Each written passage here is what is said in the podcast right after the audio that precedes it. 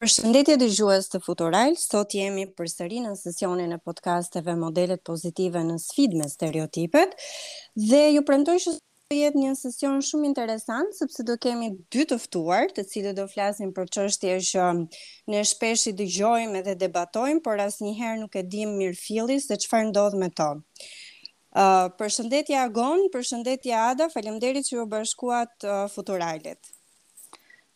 Përshëndetje Xheralda. Përshëndetje Agon. Përshëndetje Xheralda, dhe shumë faleminderit për ftesën. Përshëndetje Ada, po ashtu. E thashë edhe pak më herët që ky do jetë një podcast shumë interesant dhe më në fund do jem unë ajo që do flas shumë pak. po, për ata që duan t'ju njohin më tepër përveç emrit, unë do doja që ta bëni një prezantim të shkurtër për uh, anën tuaj profesionale po për ato ide apo ato pjesë të cilat ju lidhin me këtë podcast të ditës së sotme. Fillimisht do ta nisim me gocat. Ada. Ada Kovaci. Um, Na fol pak për veten. Aho. Është sa kohë kemi si ishte ajo pjesa? Duhet t'i japim ah. shpejt. një një fjali, më duket. Një ah, fjali shumë e shkurtër. Ëm, um, Unë jam Ada, Kovaci Kume, a, në këtë momente jam këshilltare arsimore në Departamentin e Arsimit në shtetin e Konektikat. Um, kam të paktën dhjetë vitet e fundit që jam në fushën e arsimit mm -hmm. dhe shumicën e eksperiencës ime në këtë anë e kam në uh, kur vjen puna për fëmijët me aftësi të kufizuara, kam qenë mm -hmm. menaxhere ligjore, si e qyshe tek e shumë e shumë të tjera. Okej. Okay. Uh, Agon. Mhm. Mm um, po tentoj edhe unë me përmbledh me një fjali. Nëse um, dy. Um, çka munde me thon është uh, jam aktivist për të drejtat e njeriut dhe shkrimtar. Qëto kishin mm -hmm. qenë dy përshkrimet kryesore të mia. Ok, e, e mbaruat prezantimin shumë më shpejt se sa mund ta kisha mbaruar.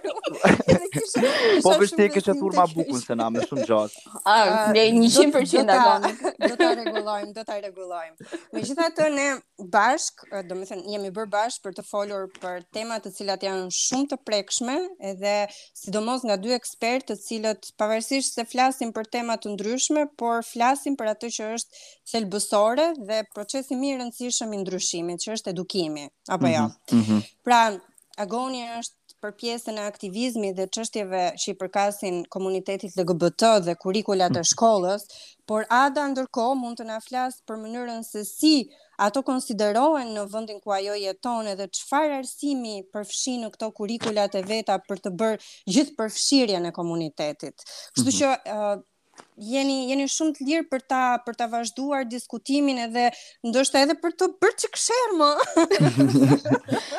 Po nuk kemi bërë ndonjëherë sherr, kështu që e, ti thua kjo është hera e parë që ta provojmë. Okej. A, dhe, Urdhro, urdhro. Okej, okay, në rregull. Ah, uh, për faktin që unë jetoj jashtë Shqipërisë dhe kam mbi 26 vjet që jam jashtë Shqipërisë. Um, në kur vjen puna në aspektin e edukimit dhe arsimit, dhe sidomos kur vjen puna për um, çfarë merret në në pjesë në këto momente. Uh, edhe këtu është shumë shumë e hapur si ana e ligj mos tani kur vjen puna për LGBT urdhro. Të lutem përsërit edhe një herë fjalinë sepse t'u shkëput. Ah, ndoshta është Ok, s'ka gjë, vazhdo, vazhdo. Um, kur vjen puna për në anën arsimore dhe se çfarë po ndodh në këto momente, sidomos kudo kudo që jemi, a uh, mm -hmm. po mhm. unë mund të flas për çfarë po ndodh këtu, në kur vjen puna në Amerikë, a një nga gjërat që po shikojmë shumë, sidomos kur vjen puna për prekjen e komunitetit LGBT, a mm -hmm. ose LGBTQ këtu, është shumë, për shembull shtete të ndryshme po ndryshojnë ligjin, ose në ca raste për më të mirë, në ca raste um, ndoshta dhe jo për më mirë, mm -hmm. dhe po mhm. kufizojnë shumë, sidomos në arsim. Florida është një nga ato që para një jave e gjysëm, sa kaloi një ligj të ri që uh, fëmijëve nuk mund t'i flitet më për uh, të drejtat e tyre ose për aspektin që mund të uh, që mund të thuash fjalën gay, nuk mund ta mhm. thuash mm -hmm. më në shkollë, kur vjen puna mm -hmm. për kindergarten, kështu që është parashkollori deri në klasën e tretë, që është diçka që në këto momente po po krijon shumë diskutim, edhe sidomos si në shkollë dhe kudo. Agon, po ti si e shikon këtë pjesë? Domethënë ne presim që të ketë zhvillime shumë pozitive kur bëhet fjalë për edukimin në, në shkollë dhe pastaj shohim një vend i cili është shumë i zhvilluar dhe na thotë që disa fjali nuk duhet t'i përmendim, disa fjalë nuk duhet t'i përmendim. Si e shikon ti këtë raportin me me Shqipërinë edhe me me zhvillimin e përgjithshëm?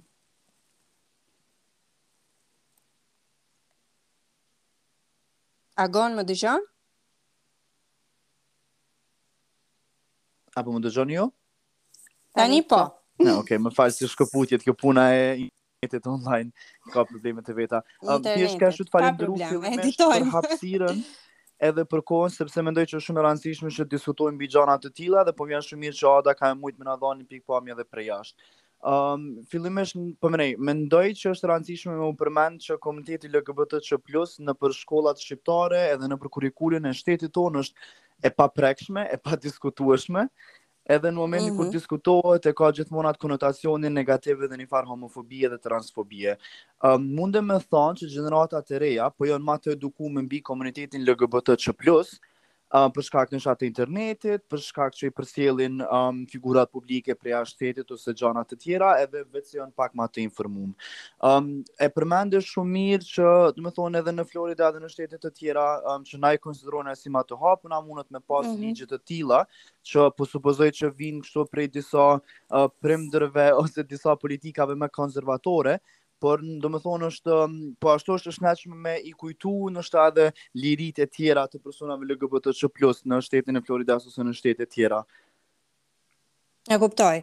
Pra, ti mendon që pavarësisht këtyre cungimeve të vogla, përgjithësisht këto ndryshime të mëdha vijnë nga vende të cilat i pranojnë edhe i konsiderojnë të drejtat e njeriut si të drejtat bazë apo jo? Ja. Po, po pikërisht ajo ke çka dashta me thanë, për mu të paktën um, me sa është sa kemi informacion, për shembull nëse e krahason Shtetet e Bashkuara të Amerikës me Shqipërinë tek të drejtat LGBTQ+, është një farë diferencë jashtëzakonisht e madhe, sepse mm -hmm. kur flasim domethënë për shkollat këtu në Shqipëri ose për shoqninë në përgjithësi, kur vjen puna te komuniteti hasim ende me dhunë kështu shumë sistematike edhe një urrejtje kolektive të frikshme. E jom i mhm. bindur që në Shtetet e Bashkuara të Amerikës është ligji i cili është mbi çfarëdo shkelje, çfarëdo diskriminimi. Pra, ligjet normalisht që nuk munden me ndalu diskriminimin, po momentin që e dënojnë, munden masani me sensibilizu edhe popullatën e përgjithshme, që ajo për fat të keq nuk ndodh në Shqipëri. Um, nuk e di nëse ju kujtohet kur ka qenë, uh, domethënë disa organizata jo qeveritare që punojnë për kauzën LGBT, uh, në momentin që kanë shkuar në disa shkolla, për me mbajt një sesion informues dhe edukues mbi të drejtat LGBTQ plus, ka qenë një reagim kështu i, i kolektiv i shumë njerëzve, me idenë që po përçojmë agenda politike ose mm -hmm. me mhm. me, me idenë që po i konvertojmë fëmijët në LGBTQ+ edhe mendoj që një shoqni e cila nuk lejon me eduku mbi të gjitha grupet e shoqnisë, është goxha shtypëse dhe është goxha e frikshme për të ardhmen e fëmijëve LGBTQ+, në shkolla.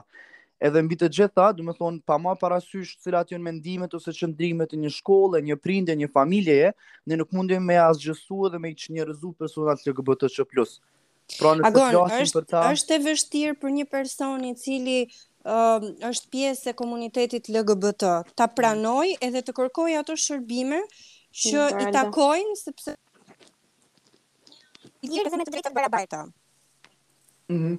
Po patjetër që është shumë problem, po mënej ne ishim dasht me jetu me një shoqni që s'kemi nevojë me avoku për të drejtat e askujt, mm -hmm. sepse të drejtat e njeriut vijnë me eksistencën e vet. Po në Shqipni unë po besoj po që e dini që situata është shumë ndryshe. Për shembull unë gjithmoni mendoj kryesisht fokusi jem është në nxënësat LGBTQ plus, që e kanë uh, mundën shumë shpesh me qenë pre e bullizimeve dhe ngacmimeve. Po në anën tjetër është e rëndësishme që edhe nxënësat e tjerë me ditë për personat LGBTQ mm -hmm. sepse është pjesë e shoqënisë dhe është diçka jona me ose pa dëshirën tonë. Edhe me qenë injorantë veç i bojmë dëm shoqënisë, nuk është që i bojmë kontribut me një mënyrë ose tjetrën. E kuptoj. Ada, po në Amerikë si është ky raporti, për shembull, nëse dikush e pranon që i përket komunitetit LGBT dhe dëshiron që të përfitojë të gjitha shërbimet që i takojnë një njeriu të lirë dhe me të drejta të barabarta për t'i përfituar ato. A ka cungime, a ka kufizime, a ka gjëra të cilat e pengojnë ato qoftë në diskriminim apo në sjellje të cilat janë bullizuese ndonjëherë. Dgjo, në këtë aspekt, kudo që të shkash, do, do, do e shikosh atë, domethënë, si cungim i të drejtave të njeriut, në çdo, mm -hmm. në këtë aspekt. Dëgjo, njerëzit kanë atë, siç quhet, close minded, e kanë mm -hmm. mendjen të mbyllur, kudo mhm. që të shkosh, ajo do, atë, këtë një këta njerëz do t'i hasësh kudo.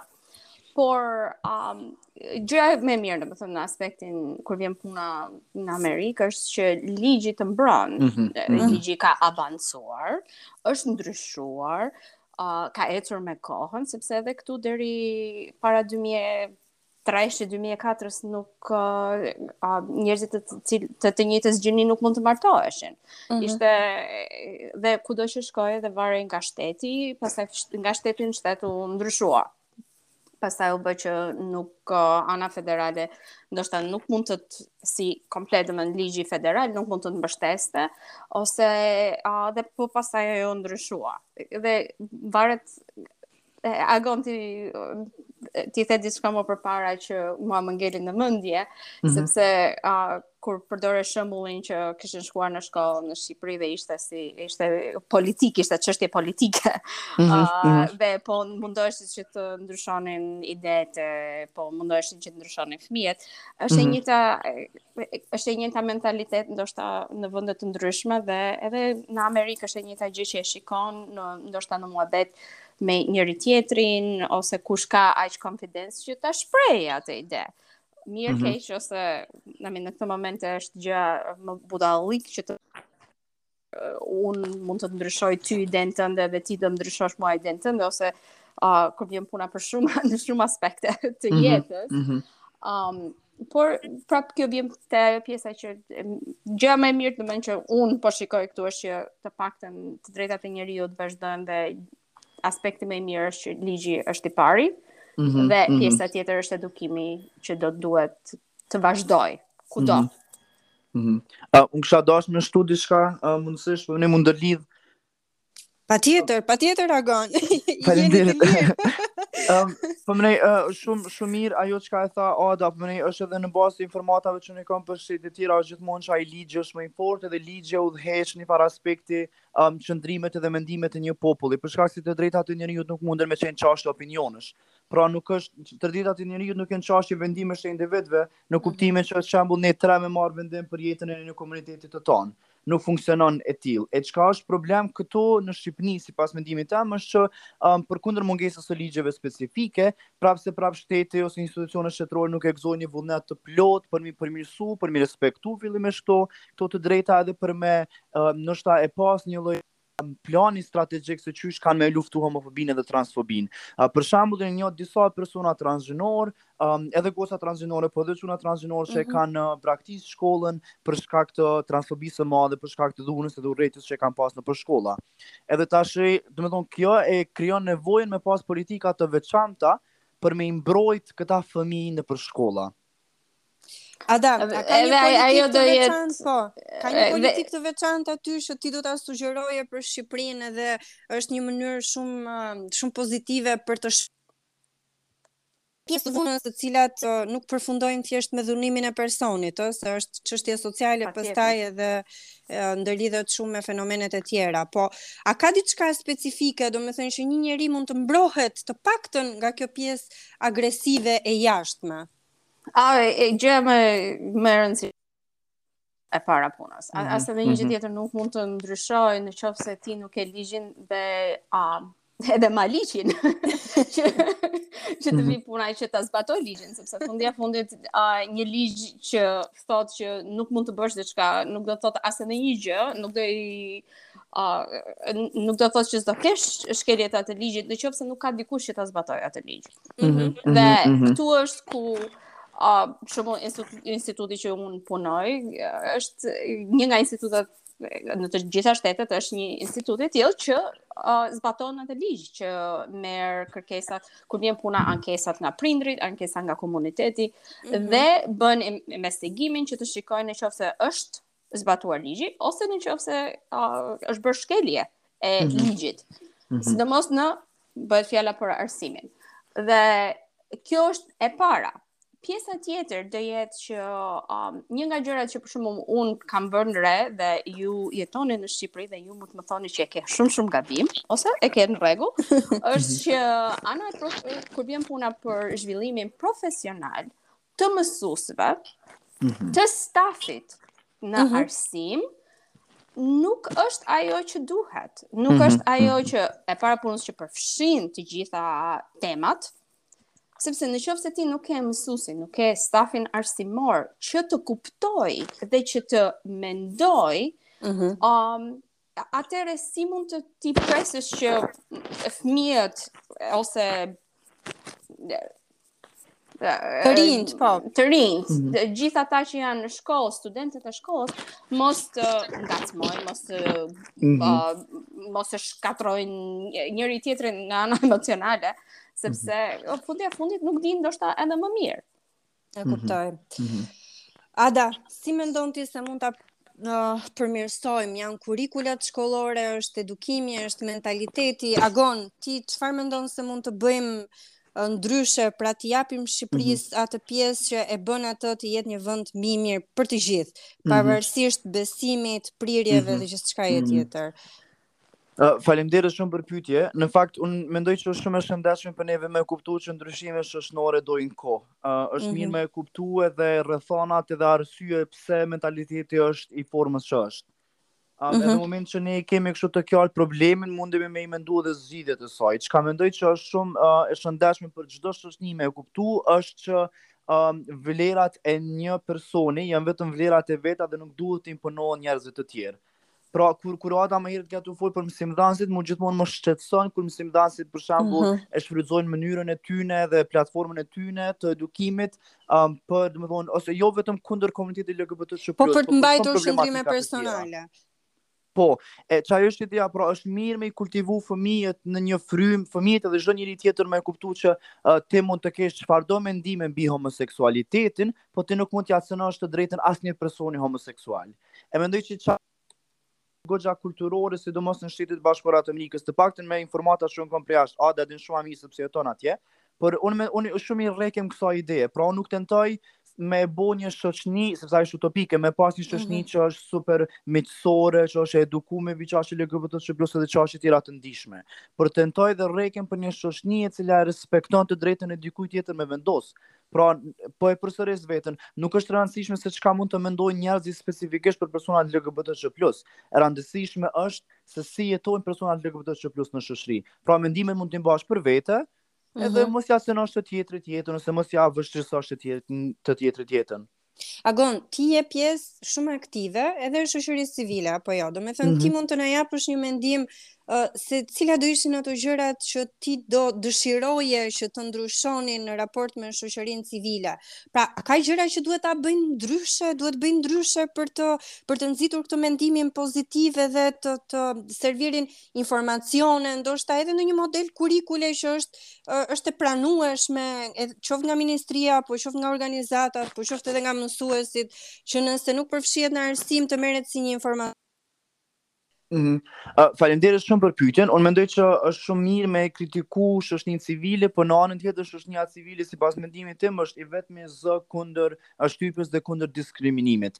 Um, e di që organizatat LGBTQ+, po dhe disa të tjera kanë dërgu disa rekomandime edhe mm -hmm. në një mënyrë ose tjetrën kanë qenë pjesë e grupeve punuse kur janë hartu politika të tilla që i mbrojnë personat LGBTQ+. Por çka çalon në proces është vullneti institucional. Pra mm -hmm. nuk është e nevojshme vetëm të kemi në në ligje, domethënë në letër, sepse jemi goxha mirë me disa ligje në letër, por se në çfarë mase po praktikohen ato. Ada, si është raporti me shoqërinë civile aty ku ti jeton? Domethënë, a bën ndonjë gjë ndryshe që ta sugjerojmë tek shoqëria civile në Shqipëri apo qoftë edhe tek aktivistët? Mhm. Mm a një nga gjërat që është është, um, shoqëria civile këtu është shumë e angazhuar direkt si me um, Shkollat, si me... Ada, Ada, mos më lëviz shumë sepse sa herë lëviz e ndërpres podcastin. po nuk po lëviz më. Po lëviz, të lëviz kufja, nuk e di ç'bën. Po, po lëviz kokën ndoshta. Okej. Okej. Um, një nga gjërat që këtu, domethënë, është uh, puna për shoqërinë civile është që janë shumë të angazhuar si në shkolla, por mm -hmm. edhe në edhe në anën me shtetin, me kur vjen puna me komplet, domethënë në anën federale, por domethënë edhe me të gjitha institucionet shtetërore. Ëh. Mm që kur vjen një gjë për shembull që shikoj unë në këto momente është që çdo të hënë për shembull këtu në Connecticut, um, një nga drejtorat e për kur vjen puna në atë departamentin e për fëmijët me aftësi të kufizuara bën uh, mbledhje në të mhm. cilat uh -huh. është shoqëritë civile janë aty dhe duke folur për çfarë shikojnë ato në në nëpër shkolla, kudo, mm -hmm. si në të gjithë shtetin. Uh, por në të njëjtën gjë, në të njëjtën anë, ke edhe drejtora, ke edhe komplet drejtues të shkollave që mm -hmm. bëhet fjalë. Mm -hmm. Dhe aty është që fillon bashkëpunimi nga ana e shtetit me shoqëritë civile, por edhe me shkollat. Kështu që kjo ndoshta është diçka që në këto momente nuk ekziston në Shqipëri dhe mm -hmm. që duhet menduar se si duhet bashkëpunuar. Mhm. Mm mhm. Mm e kuptoj. Agon ke ndonjë pyetje për Adën? Se u treguat shumë të mirë sot. po ti na solle për bashkëbisedim apo na solle t'u zënë, se s'e mora atë. Jo, ideja është që duhet të kemi debat që të kemi progres. patjetër që po. Por, domethënë, um, çështje politikash në fakt, mu, çka mendoj që është, um, çka mundet me ndodh aty që Ada mundet me më përmirësu, nëse jam gabim, mendoj që uh, ka më shumë persona LGBT plus që janë të hapun, pra munden me, me qenë profesor, ose persona të tjerë që gëzojnë poste publike, ose thjesht uh, figura publike e të tjera të tjera. Pra, është më e normalizume brenda shoqnisë amerikane të jesh person LGBTQ+. Mm. Edhe mendoj po. që kjo, domethënë, i ndihmon um, shoqërisë në informacion. Edhe rrjedhimisht, për shembull, fëmijët e kanë shumë më lehtë me identifiku dhe me pranu veten sesa që munden me pas fëmijët në një shtet ku nuk ka një informacion bazik të shoqnisë mbi personat LGBTQ+. 100%, Agon, ke shumë shumë të drejtë. Um, në një podcast tjetër që kemi bërë me Doraldën, mhm. ishte diçka disa nga personat që unë me vërtet i adhuroj si në anën profesionale, si në anën personale, mm -hmm. që janë uh, dhe kam pasur rastin shumë shumë të mirë që të bashkëpunoj me to sidomos në raporte pune. Ëh mm -hmm. uh, identifikohen si persona të komunitetit uh, LGBT uh, që. Mm -hmm. Dhe mhm. um kjo ndoshta ishte që edhe mua personalisht më ka bërë akoma dhe më të hapur mm -hmm. sepse mm -hmm. kjo është që sepse jo fundja e fundit ne të gjithë jemi njerëz mm -hmm. dhe e, si studenta, si si fëmijët ose si edhe të rriturit, në qoftë se ti nuk ke ë um, të bësh me njerëz ndryshe, mm -hmm. asnjëherë ti nuk do ndryshosh, nuk do mhm. ndryshosh mm -hmm. pikëpamjet e tua, nuk do ndryshosh që të shikosh njerëzit për atë që janë, janë njerëz mm -hmm. fundja e fundit. Mm -hmm. Mhm. Ose edhe jemi të gjithë të ndryshëm, ë? Në një aspekt apo në një tjetër, ne ndryshojmë shumë nga njëri tjetri. 100% mhm. po sepse njerëzit zakonisht mundohen që të thonë, "Ok, çfar çfar kam të përbashkët me dikë tjetër?" Harrojnë se duke qenë ndryshe nuk është do të thotë që është gjë e keqe. Mhm. Mhm. Më mm -hmm. vjen shumë mirë që ju dëgjoj të dyve dhe më vjen shumë mirë që bëmë këtë përplasjen e ideve, por edhe të modeleve pozitive, sepse ashtu sikundër e thashë edhe në nisje të podcastit jeni të dy modele pozitive që evidentoheni. Mm -hmm edhe që mm, i shkelni këto stereotipet me këmbë, sidomos Agoni, i cili më vjen mirë që flet hapur edhe është përkrahës i ideve me shumë vlera, jo vetëm e pranon, por e kërkon metoda dhe mundësi për ta ndryshuar si si aspekt edhe si fakt në Shqipëri, ëh, se mhm. çdo gjë në Shqipëri duket se do më tepër kohë se sa do kohë për kohën e vet. Mhm, mhm.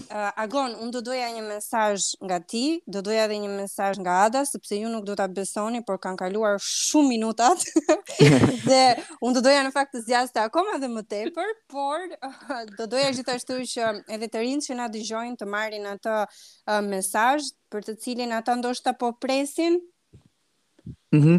uh, Faleminderit shumë, po mesazhi që unë gjithmonë tentoj me ju thonë njerëzve është që po mendoj që veçse u tha me mënyrë ose tjetrën, uh, më kujtohet që një një mësimdhënëse e imja në klasën e 5 pat thonë një fjali që më ka mbetë në mendje, që thotë pesë gishat e dorës nuk janë të njëjtë, rrjedhimisht mm. nuk është as një njeri tjetër. Mm, edhe moment, momentin që ne e shohim diversitetin si një fuqi, edhe që e shohim të ndryshmen si një diçka që mundemi me mësu prej saj, mendoj që kemi bo një hap goxha pozitiv në edukimin e vetvetes ma s'pari. Kshu që është veç me e kuptu që sa jemi të ndryshëm aq jemi të njëjtë edhe është aq, do të thonë, është mjaftueshëm e bukur kjo se si dukuni. Edhe thjesht um, qajo ideja që e thashë edhe më herët, nuk ka rëndësi çka ti mendon mbi çështje tjera, nuk um, nuk mundesh me ecë në të drejtën e dikujna tjetër. Po përndryshe më lejo të lutem me të falënderu po. um, Rolda edhe Ada uh, për këtë diskutim edhe unë kisha pas shumë qejf me zgjat sepse u kënaqa dhe po më shkon atë reja. Po ka shumë çka me diskutu mbi këtë çështje dhe më besoni që sa më shumë që diskutojmë mbi këtë çështje kemi me e bo ndryshimin, sepse këto ndryshime dojnë kohë, por në anën tjetër duhet me u punu për këto ndryshime. E kjo bisedë është një kontribut sado i vogël që është në oqeanin e madh të ndryshimeve. Kështu që shumë faleminderit prej të dyjave. Agon mos u mërzit se do kemi rast të bëjmë podcaste të tjera, po, sepse e di që edhe edhe Ada do jetë shumë pranuese, kështu që Ada shpejt e shpejt një mesazh përfundimtar për dëgjuesit e Futuralit, të cilët do ta shijojnë, por edhe do mësojnë nga ky podcast. Um, unë do të thosha një shumë shumë faleminderit sepse kjo ishte me vërtet një kënaqësi Agon uh, është me vërtet kënaqësi që të dëgjoj zërin dhe që të dëgjoj domethënë duke folur sepse mesazhet nuk kanë qenë nuk janë njësoj um, por edhe um, si mesazh i fundit do ishte domethënë që njerëzit duhet të fillojnë të mendojnë, të reflektojnë duke filluar te personi që janë duke filluar aty dhe pastaj duke menduar për shoqërinë edhe ata njerëz që i rrethojnë sepse sidomos kur vjen puna për uh, grupet që ndoshta nuk janë njësoj dhe që a, duhet të mendojmë një çikë më shumë, duke filluar me ligjin, edhe mm -hmm. pastaj me edukimin. Mm -hmm. Ada, Agon, shumë faleminderit. Faleminderit juve. Faleminderit dhe deri herën tjetër. Kalofshi mirë deri atëherë. Mirë, pa.